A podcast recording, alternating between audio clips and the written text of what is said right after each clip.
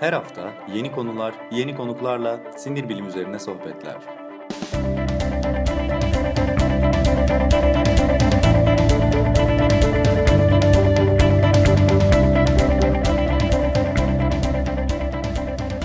Neuroblog Podcast başlıyor. Merhabalar, Neuroblog Podcast'in 10. bölümüne hoş geldiniz. Ben Onur Erpat. Merhabalar, ben Taner Yılmaz. Ee, bugün e, Taner'le birlikte ilginç bir konu konuşacağız ama ondan önce bir duyurumuz var. Ee, şimdi bu daha önce hep e, podcast olarak e, çekiyorduk ve podcast olarak yayınlıyorduk e, Neuroblog'u. Bu bu şekilde devam edecek aslında ama bir yandan da e, YouTube kanalımızda artık bu sezon daha aktif olacak diye düşünüyoruz. E, bu e, podcast olarak dinlediğiniz şeyi YouTube kanalımızdan da e, izleyebilirsiniz. Orada e, bir yandan ekran paylaşımıyla çeşitli şeyler paylaşacağız konuşma boyunca. Ama podcast olarak da dinlemeye devam edebilirsiniz normal podcast kanalımızdan. E, ama YouTube kanalımıza da abone olmanızı öneririz. Neuroblog e, yazıp bulabilirsiniz.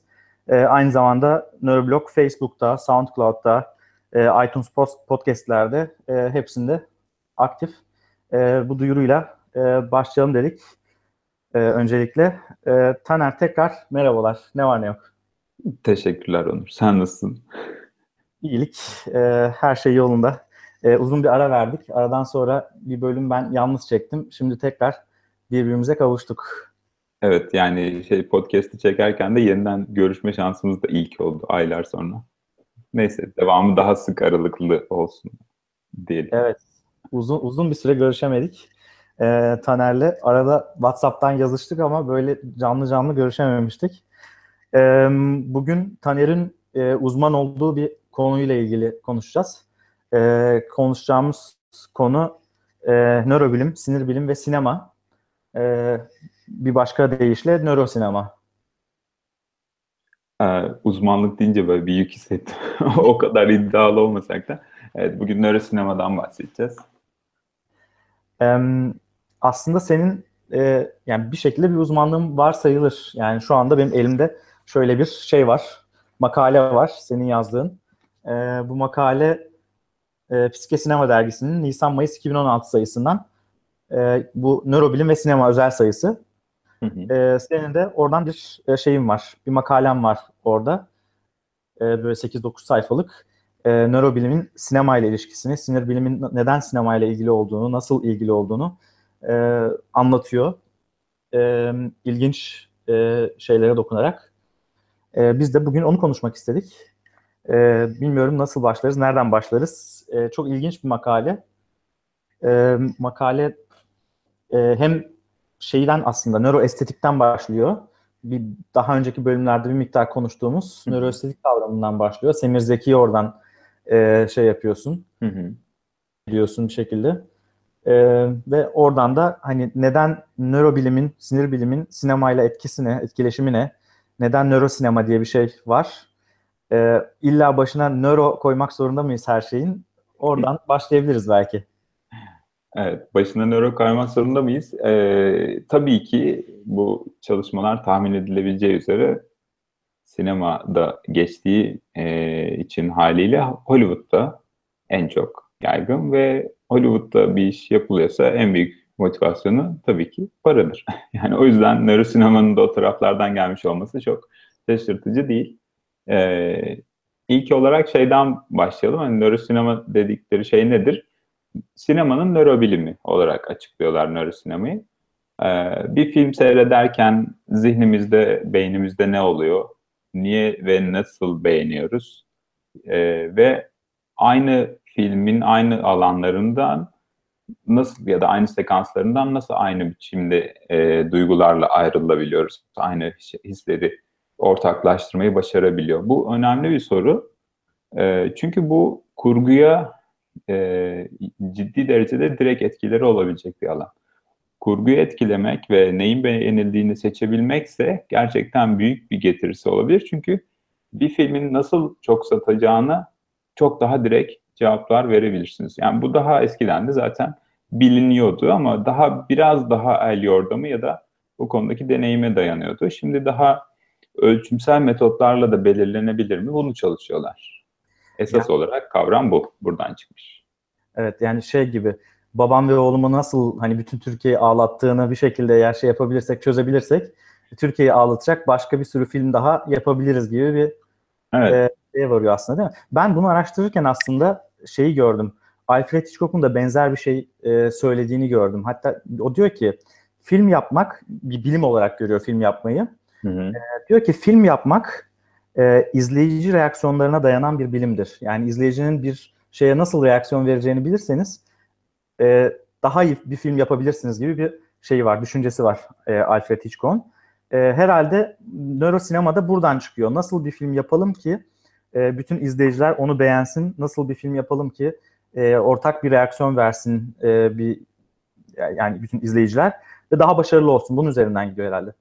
Hitchcock da zaten hani bu konuda nörosinemanın esas ilgilendiği ve e, filmlere yaklaştığı yer kurgu. Yani nasıl bir kurgu yaratırsınız, neyi kesip neyin arkasına koyarsınız, nasıl bir şekilde hangi renkleri belki kullanırsınız ve sahnede kim nerede durur gibi şeyler diye düşünebiliriz kabaca.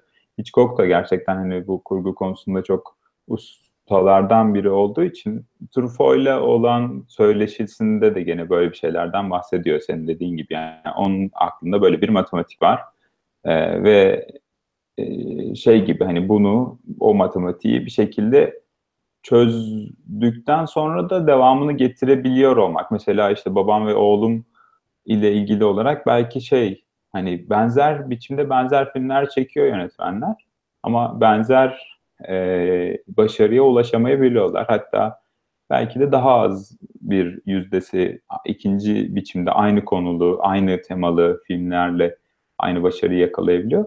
Biraz şey gibi bir durum değil tabii böyle fabrikasyon üretim yapalım gibi değil ama ona da hizmet edebilir. Bu üretim, satış meselesini de şu yüzden söylüyoruz aslında. Onu da söylemek lazım. Nörosinema ile ilgili yapılan çalışmaların en önemli kaynağını oluşturan e, yer nöropazarlamacılar. E, bunlar daha önce bu alanda çalışan insanlar işte giyilebilir e, mobil EEG kepleriyle böyle bir şey gibi e, bere gibi onu insanları marketlere yollayıp işte hangisinden nasıl bir reaksiyon, nereye bakınca nasıl e, bir beyin dalgası aldık bunu ölçüyorlardı. Keple ve EEG ile kalmamışlar. Şimdi fMRI'ları da var. Hani bu fMRI daha önceki bölümlerde yine konuşmuştuk birazcık ama fMRI deyince hani bizim e, açımızdan böyle acayip bir şey gibi geliyor. Yani bir özel şirket fMRI alıyor, filmler için kullanıyor. Çünkü gerçekten kendisi çok pahalı işte onu çalıştırmak çok pahalı. Yani onu işlemlemek, o verileri aldığınızda sonuçları değerlendirmek çok pahalı. Ama ciddi bir yatırım var ve bu yatırım en çok da filmler nasıl e, hani en iyi satanlar listesinde, en çok izlenenler listesinde kalır. Bunun üzerine. Nasıl kalıyor ondan da biraz bahsedebiliriz istersen e, buradan. Yani bahsedebiliriz. Şeyden önce şunu söylemek istiyorum. Yani fMRI evet yani pahalı ama hani bir filmde artık bugün standart Hollywood filmi biraz araştırdım ben bayağı 25 ila 50 milyon dolara falan tekabül ediyormuş. Yani evet, ucuzları herhalde öyle. Evet, ucuzları öyle. En son Blade Runner 300 milyon 300 milyon tabii 300 milyon dolara e, mal edilmiş bir şey vardı. Şöyle Laf vardı. Şey olmuştu. Pardon böldüm ama şey, film vardı ya şu e, Yörünge diyesim geldi hatırlayamadım şimdi. Neyse e, geçmiş senelerde işte e, çıkan bir Amerikan Hollywood filminin bütçesinden daha düşük bütçeyle Hindistan uzaya roket yolladı. Yani gerçeğini yapmak bazen filmden ucuz olabiliyor. Yani evet. o derecede bütçelerden konuşuyoruz. Tabii ki bir tık mesela yüzde bir fazla satmak zaten inanılmaz derecede bir getiri demek. Evet evet yani işte fMRI dediğimiz şey de hani ya olsun olsun 3-5 milyon dolar olsun yani en iyisinden Hani ver Siemens'inden ver falan deyip böyle 3-5 5 Tesla olsun. Şey yani 5 Tesla olsun, 7 Tesla olsun yani. evet. Kısmayalım parasına. İtibardan tasarruf olmaz gibi evet. şey yapsan yani bayağı şey yapılır yani. Hani 3-5 Hollywood için çok büyük bir para değil gerçekten. E, Hitchcock'tan farkı hani Hitchcock hani şey demiş yani hani izleyicinin nasıl reaksiyonu reaksiyon alacağını bilme bilimidir sinema için falan. Hitchcock'tan bugün farkımız senin dediğin gibi işte bugün e, Hitchcock döneminde olmayan ya da çok böyle ilkel durumda olan bir takım ölçüm sistemlerinin beynin reaksiyonlarını ölçmek için kullandığım sistemlerin çok daha gelişmiş olması. Yani E, işte EEG var. EEG'nin dışında bu galvanik galvanik deri reaksiyonları var. Göz hareketlerini izleyebiliyoruz. İnsanlar ekranda hani bir filmi izlerken e, nerelere bakıyorlar, hangi şeylere odaklanıyorlar. Yani öndeki adama bakıyorlar, arkadaki arabaya mı bakıyorlar? Ona göre reaksiyonları nasıl değişiyor? Artı fMRI var senin dediğin gibi. Birçok başka şeyimiz var. Yani hani ölçmek için de ve hangi yani izleyicinin neye daha iyi reaksiyon verdiğini, onlardan nasıl daha iyi reaksiyon aldığımızı e, bilmek için de, ölçmek için de çok daha fazla e, aracımız var. E, bu da tabii beraberinde iştahını kabartıyor. E, hem Hollywood'un hem ya bu propaganda filmleri de var yani her seçimden önce Hı-hı. propaganda filmleri çekiliyor. Ee, ya da işte nöromarketing dediğin gibi yani nöro pazarlamacılar hani hangi ürünü nasıl daha iyi daha iyi bir reklam filmiyle daha iyi sattırırız. Herkes bunun peşinde. Bu herkesin ağzını sulandıran bir sektör sonuçta. Ee, bunun üzerinden belki şey yapabiliriz, devam edebiliriz. Yani bu izleyici tepkileri nasıl ölçüyoruz? Nasıl kesişiyor sinir bilimle sinemanın yolu? Ee, şöyle çalışıyorlar. Aslında birazcık kısa e, bir tarihçe ile ilgili bir iki şey söyleyeceğim sadece. Nörosinema kavramı ve ismi çok yeni. 2000'lerde ilk ortaya çıkmış. Sonra işte 2008'lerde bir makale çok ilgi çekmiş. Daha sonrasında da yapılan çalışmalar var ama e, 2000'lerden sonra hani 20 yıllığı bile doldurmamış bir şey olduğunu söyleyebiliriz. Ama bu konuda yapılan çalışmalar aslında çok eski. Şöyle ki bu nörosinemada e, işte insanların bir film seyrederken verdikleri tepkileri yakalamaya çalışıyoruz. Bunu ölçülebilir bir şekle sokmaya çalışıyoruz ki daha net değerlendirebilelim. E, nasıl yaptığımızdan bahsedip ondan sonra e, tarihçesine geri döneceğim. Şöyle yapıyoruz kaba taslak olarak yapanlar öyle yapıyorlar ya da e, fMRI'ya koyduğunuz insanlara işte e, görüntüler seyrettirip Bunlar üzerinden beyin e, alanlarının aktivasyonlarını açıyorsunuz. Buraya kadar şaşırtan bir şey yok zaten. E, koyulan filmlerde farklı nerelerde nasıl şeyler oluyor bunları görmek asıl mesele olan. Ve ölçtükleri e, bu yaptıkları ölçümler içinde en ilgi çekici olan fark şöyle bir şey oluyor. Yapılandırılmış, kurgusu daha yapılandırılmış olan filmlerle rastgelelik içeren filmler arasında nasıl bir fark var? Bunun önemi şuradan geliyor. Ee, şimdi biz beyin dalgalarını işte beyinde aktif olan alanları ölçmeye çalışırken bir görsel girdi olduğu için ona dair bir sürü şey ölçeceğiz. Yani mesela ben şu anda sana bakarken de bir insan yüzünü algılayan bölgelerimin hepsi aktif oluyor. Arkandaki Banksy şeyini posterindeki surata bakarken de olabilir. Ama ikisi arasında benim için bir fark var mı? Bunu görmemiz lazım ki anlayabilelim. Ee, bir kere görme alanı çok değerli beyin, insan beyni için. En önde gelen ve en fazla yer kaplayan duysal girdiye sahip. Oksipital lobumuz yani beynin arka lobu tamamen bunu ayrılmış ve gerçekten çok büyük alan.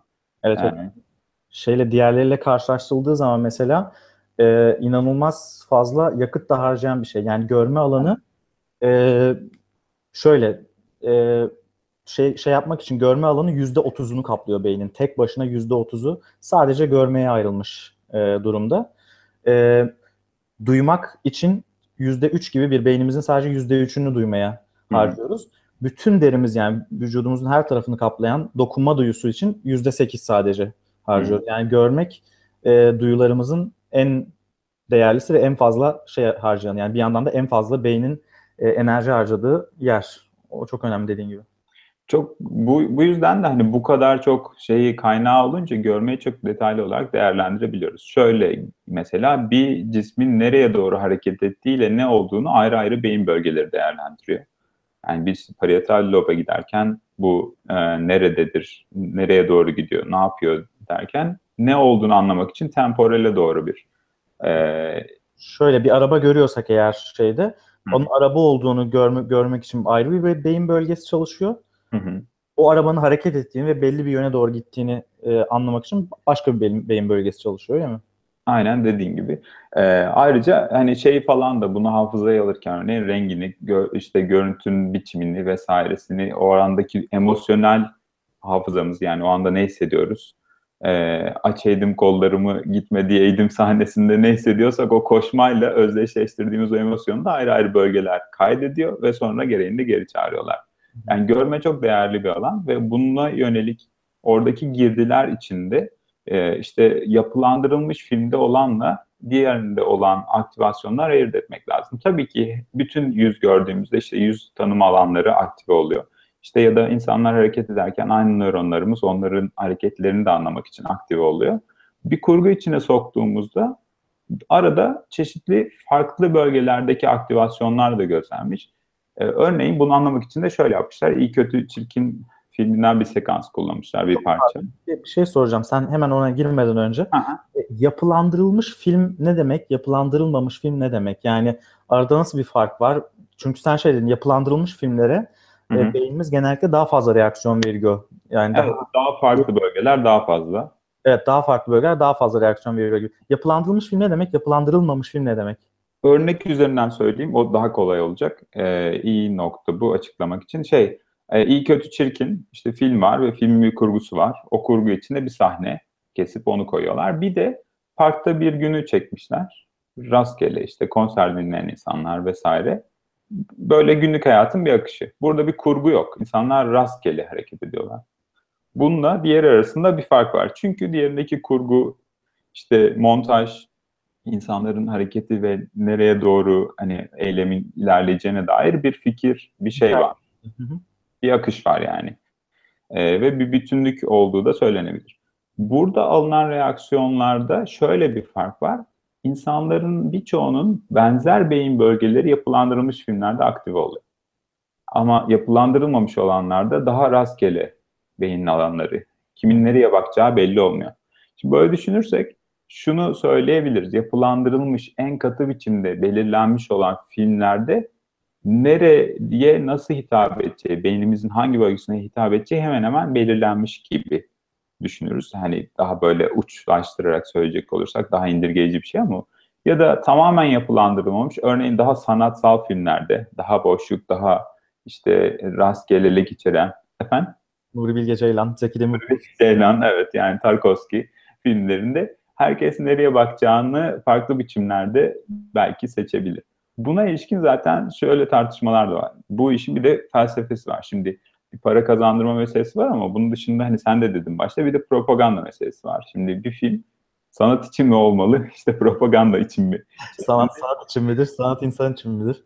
E, ikisi arasındaki bu e, uçları da değerlendirmek gerekiyor. Çünkü yani en yapılandırılmış film nedir? Propaganda filmidir. Ya da işte bir filmi e, propaganda filmi olarak adlandırmasanız bile öyle yapılandırabilirsiniz ki bir propaganda ortaya çıkabilir.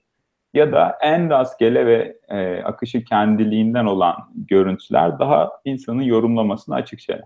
Burada da çeşitli tabii e, şeyler var, konflikler işte. E, çünkü bir yandan seyirciyi de kısıtlıyorsunuz. Yani yapılandırılmış bir film, Hollywood filmleri gibi kendi işlerinde bir matematikleri var. Hitchcock'un daha önce keşfetmiş olduğu ve tekrar tekrar uygulayabildiği gibi. Ve onu yaparsanız iyi satabilir. Evet, çünkü bekleneni vereceği için. Ama hemen hemen herkese benzer duygular uyandırmak da bir başarı. Nereden baktığınıza bağlı.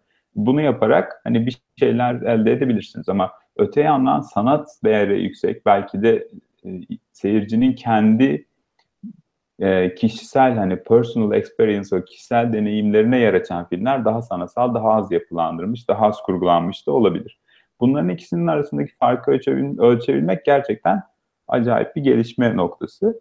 Felsefi kısmını tartışmak için birkaç tane hani şey var, nokta var. Oraya geçelim mi? Buna Geçelim. kadar senin eklemek istediğin bir şey var mı abi?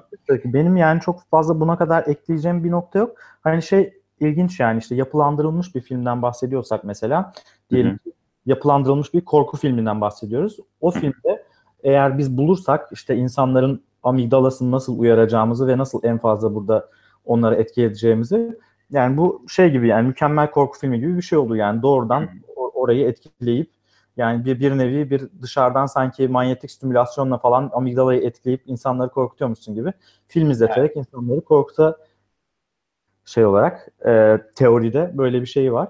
Yani bu tabii ki yapılandırılmış film yapan ve satan insanlar için e, mükemmel bir şey. Neredeyse aynı biçimde hani işler çıkartmak mümkün ama bir yandan da çok sıradan hani öyle düşünürsek.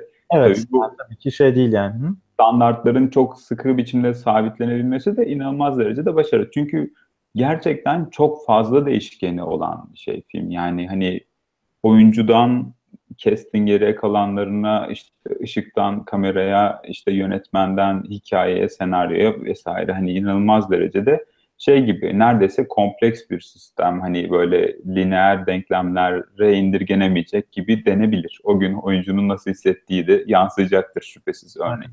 Muhakkak. Yani senin geçmek istediğin bölüme geçmeden önce son bir şey belki söyleyebilirim. Hani Hı hı. bunu ama sonuçta bu yapılandırılmış filmlerde işte Hollywood filmi tarzı filmlerde hani nasıl yapıldığını, hangi nasıl etkileyebileceğini e, seyirci et, et eğer bunun bir şeyi varsa yani e, bunun bir şekilde bir formülü varsa o da tabii inanılmaz bir şey yani başarı bütün bu şey için yani nöromarketingle uğraşanlar için işte ya da propaganda filmleri için vesaire inanılmaz bir başarı olur tabii. O yüzden bunun peşinden koşması insanların da çok normal e, gibi görünüyor bir yandan da. Mesela işte artık filmlerden de pahalı olan televizyon dizileri var. Evet. Ee, işte Amerikan menşeli çoğu genellikle ve bütün dünyada izleniyor. Bunlar için de aynı şey geçerli. Yani pilot bölümü fMRI altında birilerini izletip sonuçlar almak gayet mümkün. Hani nasıl bir reaks- reaksiyon geleceğine dair. Tabii buna bakarak kar- karar verilmez ama ayrıca bir datadır bu da yani düşününce hani ayrıca bir Neredeyse karara hani büyük oranda katkı yapacak gibi görünüyorlar bu arada. Hani evet buna bakarak karar verilir mi diye bir soru sorulabilir ama bilmiyorum ama bayağı ciddiler bu konuda yani hani oldukça iyi gibi ölçümler. ilginç ama yani bunun üzerine demek ki çok daha fazla yatırım yapacaklar yani önümüzdeki yıllarda baya baya hani şey bir yandan bir yandan da korkutucu bir tarafı var bunun yani gerçekten neye karşı ne hissedeceğinizi bilen bir takım insanlar olacak yani aşağı yukarı. Çünkü 100 tane insan alıp da 1000 tane insan alıp da bir ortalamasını alırsanız Hı e, hı. Bir takım görüntüleri izletip beyin aktivitesinin ortalamasını alırsanız e, aşağı yukarı yoldan geçen herhangi bir insanın da o filme nasıl reaksiyon vereceğini tahmin edebilirsiniz, görebilirsiniz. Bu da bir yandan da korkutucu yani aslında. Distopya'ya bir adım daha. Biraz daha aynen öyle. Yani bu ilginç bir şey ama e, öte yandan senin şeye geri dönebiliriz yani. Senin anlatmak istediğin konuya geri, geri dönebiliriz ama bu hakikaten korkutuyor insanı. Evet, son bir nokta hani korkutucu olmasının dışında bu meselenin şöyle bir yanı da var. Bir sanat eseri nasıl olmalı? Hani sanat üzerine bir sürü e, bu konuda hani estetik tartışma ve sanat felsefesi açısından tartışma var. Bunların e, hepsine detaylı olarak zaten girebilecek e, şeyim altyapım zaten yok ama birkaç şey söyleyebilirim en azından hani bu sinema konusunda kısıtlı olmak üzere. E, estetiği veya sinemanın hani beğenilmesi ya da bir filmin nasıl olması gerektiğiyle ilgili de tartışmalar var. Mesela bu konularda hani teorisyenlerden birisi ve adı geçen insanlardan birisi Bazin. Andre Bazin yani şöyle Yoluyla ben onu da IMDB'den seninle şeyden önce bulmuştuk. Hı hı. Ee, hemen ekran paylaşım yoluyla onları da gör, e, şey yapayım. gördüğünüz Bazin. Evet. Andre Bazin Andre Bazin. Evet. Ee, şöyle diyor, e, yani sinemada bir gerçeğe inanan yönetmenler var, bir de görüntüye inananlar var. Ee, hangi tarafta olacağınızı ona göre seçin diyor. Kendisi film eleştirmeni ve teorisyeni aslında daha hani gerçekliğin aktarılmasından taraf e, diyebiliriz. Çünkü kurgunun insanları e, sinemada gerçeklikle oynanmasını yani kurgunun ki şu anda üzerinde konuştuğumuz şey de bu kurgu insanları aslında müdahale altında kısıtladığını söylüyor. Yani asıl sanat eseri ve sanattan alınacak keyif olabildiğince özgürlükle mümkün diyor. Birkaç şey daha var. Hani Bazin'in gördüğünüz gibi işte şey 1900'lerin başında doğmuş 1918. Ee, onun aslında dönemdaşı olmasa da ondan daha eski alan e, eski olarak bu alanda çalışanlar nörosinemanın ilginç olarak tek e, ilk şeylerini yapmışlar bile. Bunlardan birisi mesela Kuleshov. Zaten bu kurguyla ilgili olan durumda yaşadıklarımıza ve üzerine yorum yaptığımız bu şeylere Kuleshov etkisi de deniyor. Kuleshov etkisi şu, Kuleshov bir deney yapmış.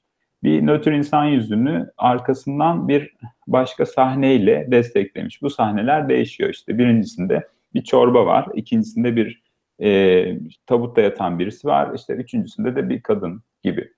E, ve insanları hani gruplar halinde ay- ayırıp sormuş. Bu yüz nasıl bir e, şey duygulanım ya da duygu ifadesi taşıyordu diye.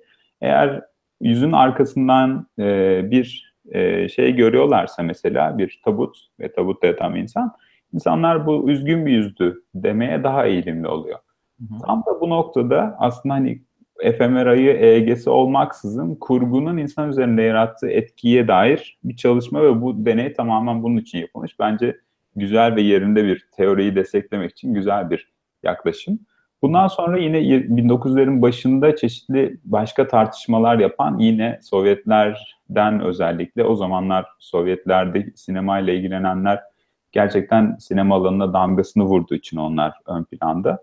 İşte mesela Eisenstein e, ya da Dizga Vertov var. Bunlar arasında da aslında böyle bir kurgu yapılıp yapılmaması ile ilgili bir e, tartışma yürüyor. Yani aslında nörosinemanın tartışmaları felsefi düzlemde daha eskiden beri başlamış. Bu yüzden bunlardan bahsediyoruz. Çünkü örneğin e, şey Eisenstein'ın filmi en ünlü filmlerinden birisi ya da Potemkin Zırhlısı. İşte o daha böyle e, bir propaganda filmi olarak görülüyor. Dizga Vertov'un en ünlü ve en çok akla gelen filmi de e, işte Man with a Movie Camera yani işte film kameralı adam. Hı hı. E, şimdi Vertov'un yaptığı Potemkin Zırhlısı daha yapılandırmış ve bir hikaye anlatan bir film. Vertov'un yaptığı ise daha kamerayla olaylara şahitlik eden bir adamı çekmesi. Ve burada aslında şöyle bir tartışma var. Hani biz e, şeylerde, filmlerde bir kurgu yapmalı mıyız? Yoksa olanı mı aktarmalıyız? Bu e, noktalarda hani olan biçimleri de daha kuvvetli biçimde aktarmalıyız ki insanlar daha iyi hissetsin ve daha e, bunu benimsesinler diyor. Bu Eisenstein'ın düşüncesine daha yakın. Vertov çeşitli kamera hileleri ya da çeşitli kamera e, özelliklerini kullanmakla birlikte e, bir, kurgudan biraz daha uzak. Yani bu tartışma aslında yapılandırılmış ve yapılandırılmamış film ve filmin insan üzerindeki etkisinin hani kurguyla değişmesi gerçekten eski bir tartışma. Nörosinema şimdi bu hani daha ampirik yapılan tartışmayı ölçülebilir bir hale getirme iddiasında. E, fena da şey e, çıkışlar yapmamışlar gibi görünüyor. Sonrasını e, şeyle bekliyoruz. Yani tamamen bu nörosinematik tekniklerle hesaplanıp çekilmiş bir film mi olur artık nasıl olur? Sonrasında heyecanla beklenecek noktalardan birisi. Evet. Yani esasında 20. yüzyılın başında 1910'lu, 18'li, 20'li yıllarda e, başlayan ya da işte 1900 yani 2. Dünya Savaşı öncesi ve sonrasında başlayan işte bu propaganda savaşlarıyla vesaire işte Sovyet propagandası, Amerikan propagandası, İngilizler, Almanlar, Naziler ayrı bir şekilde bir yerlerden giriyorlar vesaire. Yani on, onların başlattığı bir propaganda savaşı aslında biraz böyle derme çatma e, yürüyor yürümüş hep. Ama bir yandan da insanlar hep bunun üzerine düşünmüşler. Yani nasıl bir film çekmeliyiz ki e, insanlığı daha iyi propaganda sunalım. Bir başka kısım da demiş ki yani biz böyle bir şey yapmamalıyız. Daha kurgusuz, daha şey sinema böyle bir şey olmamalı. Daha e, işte kurgusuz, daha yapılandırılmamış yürümeli. Ama onlar biraz kendi yollarına, sanat filmi yoluna gitmişler sanki. e, Eisenstein ve diğerleri daha böyle propagandacı e, olanlar biraz daha işte Potemkin zırhlısı gibi e, propaganda filmleri çekmişler ve daha fazla ona yönelmişler. Hollywood para nedeniyle biraz daha fazla ona yönelmiş ve ta 20. yüzyılın başından gelen işte şey e, işte şey kavgası işte ne denir e, iyi film çekme dinle, e, izleyicinin reaksiyonunu e, tahmin ederek iyi film çekme şeyi düşüncesi bilimsel e, şeylerin yöntemlerin gelişmesiyle bugün bizi EEG'ye, fMRI'ya ve çeşitli e, sinir bilimsel tekniklerle e, din, izleyicinin reaksiyonlarını iyice ölçüp buna uygun film yapmaya kadar gelmiş ilginç bir şekilde. Yani çok yeni 2006-2008 yılında çıkan makalelerden bahsediyoruz. 2017'deyiz. Yani bu muhtemelen bu iş daha da büyüyecek buradan başladıktan sonra ve yakın zamanda senin dediğin gibi e, tamamen sinir bilimsel e, tekniklerle ölçülüp biçilerek yapılmış bir takım filmlerin e, deney faresi olma ihtimalimiz güçleniyor gibi. Evet, duygularımızı tamamen matematiksel ya da bilgisayar ile belirlenmiş bir şeyle yaşayabiliriz. Bu, bu da gerçekten ilginç bir paradigma kırılması gibi. Çünkü yakın zamanda bir tane şey oldu. Ee, işte tamamen bilgisayarın yazdığı bir senaryo. Mesela yazılı onu çekimleriyle ilgili kısmı hatırlamıyorum açıkçası. Hani çekildi mi bilmiyorum ama bir senaryo var ve tamamen evet yapay, yapay zeka tarafından okay. oluşturulmuş. Ee, ve onun bir de hani bu bu tipte bir uygulaması acaba nasıl olurdu diye merak ed- ediyorum. Çünkü hani hep bir şey meselesi var ya bu işte robotlar dünyayı ele geçirecek e, tartışması gibi yapay zeka insan olur mu olamaz mı? Eğer tutulsak artık o şey. evet. E, işte yapay zeka insanın yerini tutar mı tutmaz mı ya da onların duygusu yok ki vesaire tartışmasına bize o duyguları yaşatabilen ve bunu içtenlikle yaşatabilen ve bu yaşadığımız duygular hakkında şüphe uyandırmayan çeşitli yapımlarla karşı karşıya kalacağız gibi görünüyor. Bu kısmı gerçekten ayrı bir paradigmayla değerlendirilmesi gereken bir nokta olacak gibi. Öte yandan bunun çok eski atası tartışmalardan bir tanesi şeydi belki yani 25. kare var mı yok mu? 25. karede izletilen e, işte bir takım şeylerle bize bizim beyin, beynimize, bilinçaltımıza bir takım şeyler sokulup işte bize reklam yapılıyor mu yoksa propaganda yapılıyor mu falan gibi bir takım tartışmalar falan da vardı. Sen biliyor musun onun bilimsel açıklaması falan? Ee, ben hiç bakmadım hani çok saçmadır falan diye muhtemelen düşünüp. Şöyle e, bir kere şey söyleyeceğim. Şimdi o 25. kareyle uğraşana kadar şey ya bir dakika 24 tane kare var onlarla uğraşalım şekline gelmiş noktalar. Çünkü onu belirleyebiliyorsak niye 25. kareyle uğraşalım gibi bir şey var. Ee, 25. karenin kendisi ne kadar e, etkiliyor bilmiyorum. Hani böyle aralara sokulan şeyler gibi. Ama yani bir şekilde sub threshold yani eşik altı uyaranların siz bilinçli olarak ifade etmeden sizin duygularınızı değiştirdiğini zaten biliyoruz. Nörosinema bundan farklı bir şey yapıyor aslında. Yani bayağı bilinçli, açık açık, bütün her şey açıkken sizin duygularınızı veya işte algınızla ilgili e, hissettiklerinizi değiştirme iddiasında. Ama gizli e, şeyler yollayarak, uyaranlar yollayarak da bunu yapmak mümkün. Örneğin işte arada size hiç fark etmeden işte belli bir milisaniyeden daha kısa bir üzgün surat yol şey gösterirsek sonraki cevabı hani rastgele olanlar arasında üzgün olma, üzgün olan cevabı verme ihtimaliniz artıyor ve bu tutarlı biçimde aynı görünüyor. O yüzden evet 25. kare varmış diye düşünebiliriz. Yani ama tutarlı bir yanıtı ne kadar sağlıyordu bütün bir filmin içinde bilmiyoruz. Çünkü bu prime'lar çok hani tek bir deney ve tek bir şey. Hani o anda ona yönelik ama bütün bir akışın içinde nasıl olurdu bilmiyoruz. Bilmiyorduk. Artık nörosinema o bütün akışı da kontrol edebileceğini söylüyor. Evet. Yani buradan gerçekten çok distopik e, şeyler e, yapılabilir gibi görünüyor yani bir yandan. Konuşmalarımız ee, teknoloji ve distopya ile sonlanıyor hep niyeyse. evet yani biz, şey, ya ben kendi karamsarlığımı sana da bulaştırdım. Böyle güzel oldu karamsar bir şeye. Öte yandan bunun bir de nöromarketing tarafı var. Yani hı hı. aslında yani nöromarketing öyle bir şey ki sadece filmlerle, görüntülerle falan değil bayağı uzun uzadıya üzerine e, konuşulacak. Yalanı da çok bol bir alan. Nöro pazarlama, nöro marketing. Belki onun için de ayrı bir bölüm yapabiliriz önümüzdeki dönemde. O da ilginç olabilir. Yani hakikaten çünkü çok fazla nöro marketing adı altında inanılmaz yalan olan pazarlanıyor. Hem Türkiye'de hem dünyada. Ee, ama bu da işte nöro sinemada nöro marketing marketingin faydalanabileceği ya da faydalandığını iddia edebileceği yerlerden bir tanesi.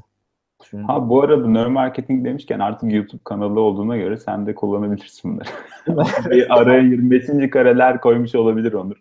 Ben sorumluluk kabul etmiyorum. YouTube kanalımızda şeylere videoların arasına e, 25 Sonra... 26. kareleri sıkıştıra sıkıştıra Sonra canınız durduk yere pretzel yemek isterse benden değil Onur'dan.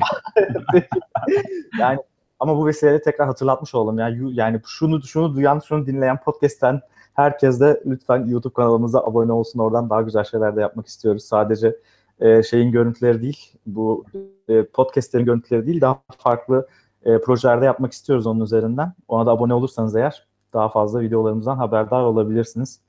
Bakalım yeni sürprizler sizi bekliyor olabilir. Güzel konuştuk. Var mı onun dışında eklemek istediğin? E, Yok, teşekkür ederim şimdiden Hayır. dinleyenleri. Tamam. O zaman e, son olarak şeyle bitirelim. Yani E, Nöroblog'u pek çok yerde bulabilirsiniz. Öncelikle nöroblog.net e, çok sık kendini güncellemese de bir şekilde oranın bir arşivi oluşuyor yavaş yavaş. e, oradan ulaşabilirsiniz. Tabii ki e, podcast olarak zaten muhtemelen şu anda dinliyorsunuz. Oradan bize ulaşabilirsiniz. E, YouTube kanalımıza abone olun. Oradan yeni şeyler yapacağız. Yeni şeyler yapmayı planlıyoruz. E, oradan bize ulaşabilirsiniz. E, Neuroblog YouTube kanalından. E, Facebook, SoundCloud e, üzerinden de bize ulaş, ulaşabilirsiniz. Hepsinde e, varız. Daha fazlasında da olacağız umarım. O zaman yavaş yavaş teşekkür edelim. E, bütün bölüm boyunca da benim e, sinema cahilliğim dolayısıyla da sen konuştun daha çok Taner. Sana da çok teşekkürler. Seni çok yorduğumuz için bugün. Rica ederim. Ben de teşekkür ederim. Peki. E, çok teşekkürler tekrar bizi dinleyen herkese de. E, bir sonraki bölümde görüşmek üzere diyelim. Kendinize iyi bakın. Görüşmek üzere. Görüşürüz. Görüşmek üzere. Her hafta yeni konular, yeni konuklarla sinir bilim üzerine sohbetler.